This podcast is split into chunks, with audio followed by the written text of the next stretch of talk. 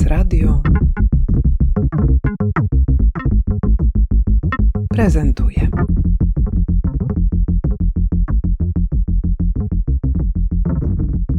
Cześć, nazywam się Zuza Skórka i jestem autorką wystawy Learning from Minecraft All the Things You Can Make with Bricks w Art Industry Standard, kuratorowaną przez Piotra Polichta. Ten tytuł jest oczywiście nawiązaniem do słynnej książki Learning from Las Vegas. Czego możemy się nauczyć od cegieł?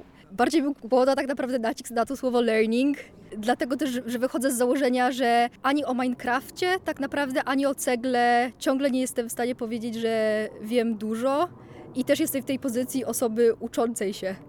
I wydaje mi się, że i z tej gry, i z cegły jestem w stanie się nauczyć bardzo dużo i ciągle się uczę. No dobra, ale powiedz proszę, bo to mnie bardzo nurtuje. Dlaczego w ogóle temat cegły tak bardzo Cię zainteresował?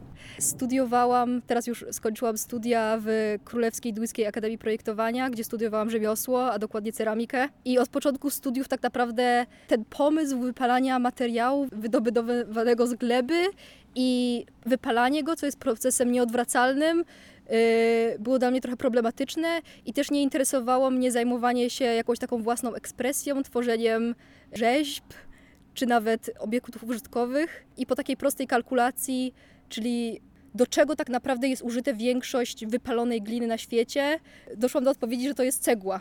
Więc zajęłam się tym tematem. I dwa lata temu otworzyłam research tak naprawdę i o tym obiekcie z perspektywy właśnie materiału, z jakiego jest wyrabiana. Powiedz, jakie są najważniejsze pytania badawcze, które sobie stawiasz? Co Cię tak naprawdę w tym interesuje? Na pewno z czego możemy robić cegły w przyszłości, ale też co możemy zrobić ze wszystkimi cegłami, które zostały już wyprodukowane. Czy ktokolwiek wie, ile cegieł powstało na świecie do tej pory? Jakie byłyby to liczby? Nie, nie jestem w stanie odpowiedzieć, ale jest to obiekt, który ma 10 tysięcy lat. Nie jesteśmy w stanie wskazać, kto jest pierwotnym projektantem tego obiektu, dlatego też wierzę, że to jest obiekt, który należy do wszystkich, ale nie wiem, ile jest cegieł. A tak jak, tak jak dzisiaj też dowiedziałam się z tej z książki z gruzów w stanie, te cegły też przybierają obecnie, albo obiekty, które kiedyś były cegłą, ten materiał teraz jest, ciągle istnieje w jakichś innych formach, jak na przykład został rozsypany po II wojnie światowej na boiskach i placach Warszawy.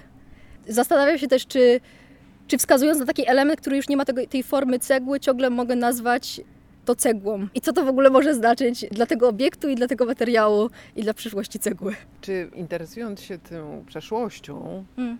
cegieł, czy tu natrafiłaś na jakieś szczególnie interesujące fakty dotyczące tego, w jaki sposób cegły były, czy są produkowane do dzisiaj, z jakiego obszaru kulturowego mhm. pochodzi najbardziej ciekawa na przykład technologia związana z produkcją cegieł, bo wiadomo, że tutaj no, to jest coś, co, co jest zapewne bogatym źródłem informacji.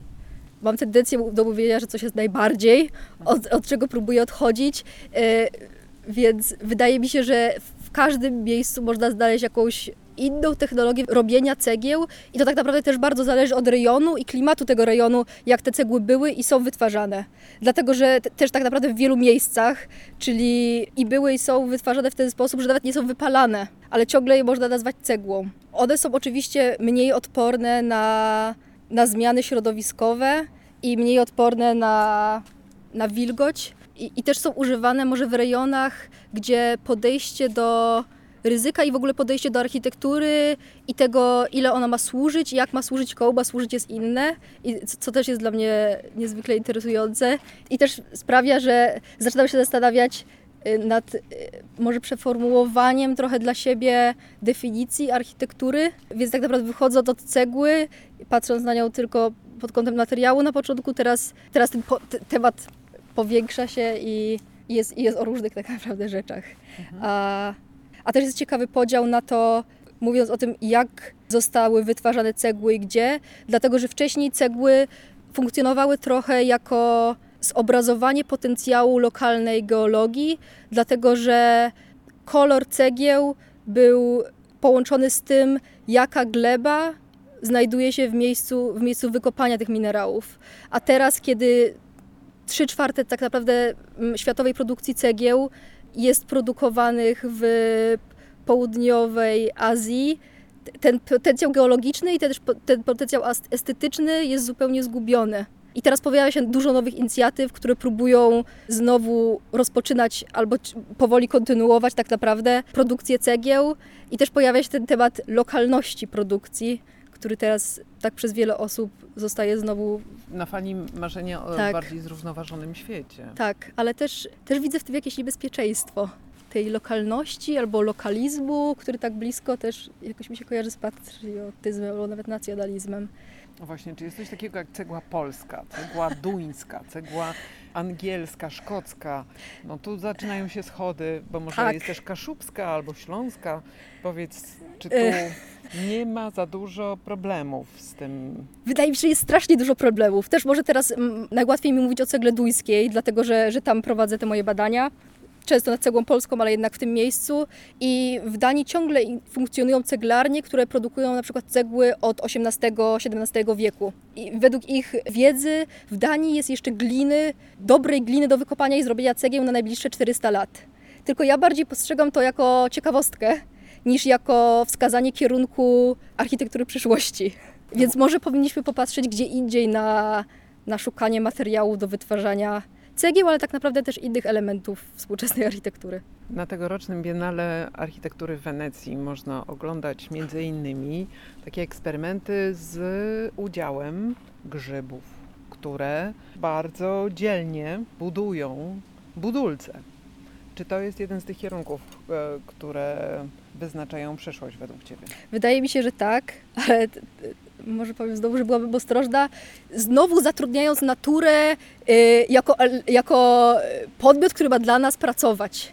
A co gdyby odwrócić to i spróbować zaprojektować i wymyślić cegłę, która może w, w, kolejno w pierwszej kolejności będzie dla ludzi, ale potem nie będzie y, dla natury elementem obcym i, i w ogóle niefunkcjonalnym, tak jak dzieje się teraz, kiedy ta cegła zostaje wyrzucona i oczywiście natura ją obrasta i jakoś sobie z nią radzi, ale może teraz już wiedząc o rychłej zagładzie, moglibyśmy iść trochę w innym kierunku.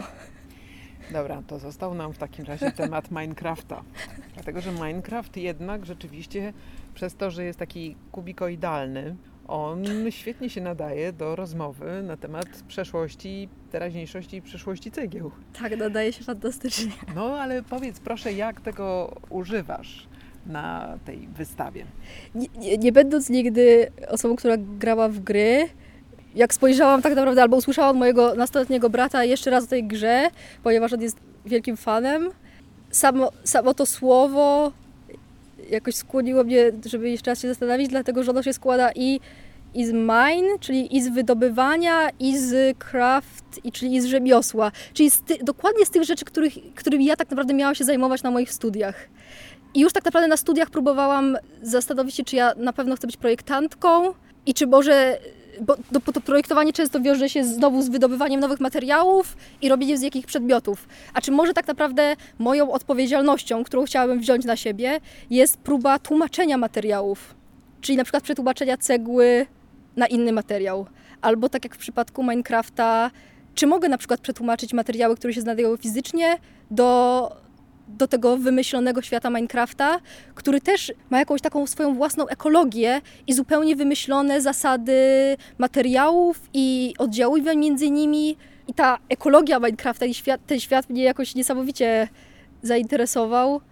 I w pierwszej kolejności zaczęłam z moim bratem razem tłumaczyć różne struktury i wykopaliska w ziemi, w których znajdowaliśmy i cegły, i różne materiały syntetyczne do, do Minecrafta.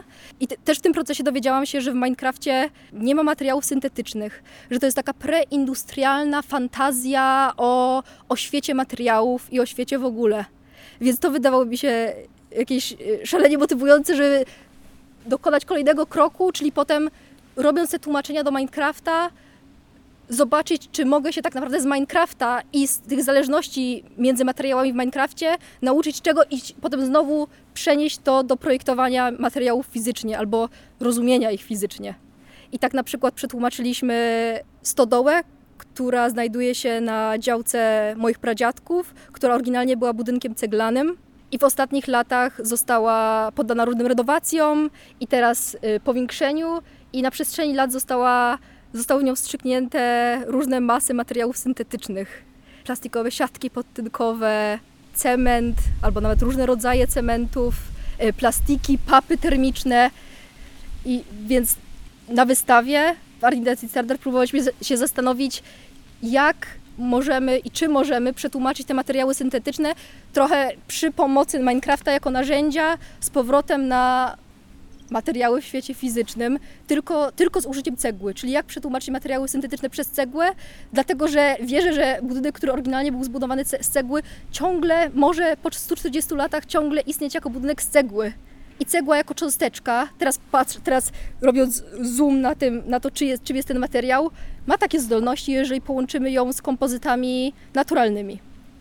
I, I, na wystawie też pokazujemy rezultaty tych działań i właśnie materiały zrobione przy, uży, przy użyciu właśnie tej cegły, tak naprawdę z bliźniaczej stodoły znajdującej się na przydziałce moich pradziadków. I ta bliźniacza stodoła została zburzona i zebraliśmy te cegły i w researchu z, ze studiem w Kopenhadze, dla którego pracuję, Natural Material Studio, y, zrobiliśmy, połączyliśmy biopolimer z, ze skruszoną cegłą. I ta cegła, ten pył z cegły funkcjonuje jako niemalże włókno w strukturze tego biomateriału. Więc uzyskaliśmy przeźroczystą, elastyczną cegłę, która tak naprawdę może funkcjonować jako nowy element architektoniczny. Może nie do końca funkcjonalny i na pewno nie dorastający do, do standardów obecnych materiałów industrialnych używanych w architekturze, ale ona komunikuje ten architektoniczny potencjał, mimo że jest może trochę taka antyarchitektoniczna nawet.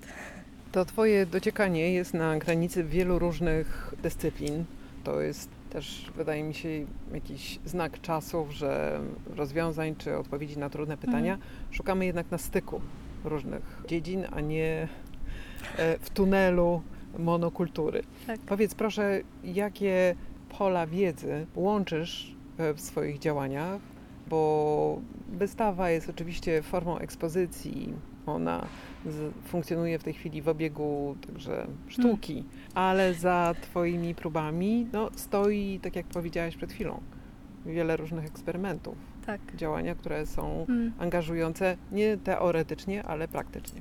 To jest właśnie chyba ta odpowiedzialność, którą, którą chciałabym na siebie wziąć, czyli to takie stanie pomiędzy i, i korzystanie z wiedzy naukowej, mimo niebycia naukowczynią i próba przetłumaczenia tej wiedzy, właśnie nie produkcji nowej wiedzy, ale próba przetłumaczenia tego, żeby, żeby pewne systemy, materiały i obiekty były bardziej zrozumiałe.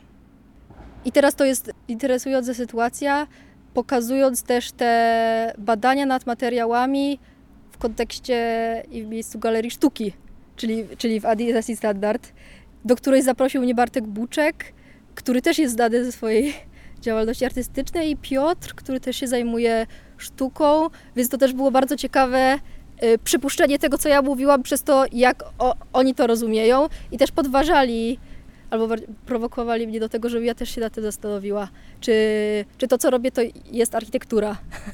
I co Wam wyszło? Ja, ja ciągle wierzę, że jest. Dlatego, że też wierzę, że to pojęcie architektury może się trochę zmienić. No na pewno dzięki takim e, działaniom i takim pytaniom, jakie Ty stawiasz w swojej wystawie. Bardzo Ci dziękuję za rozmowę. Dziękuję bardzo.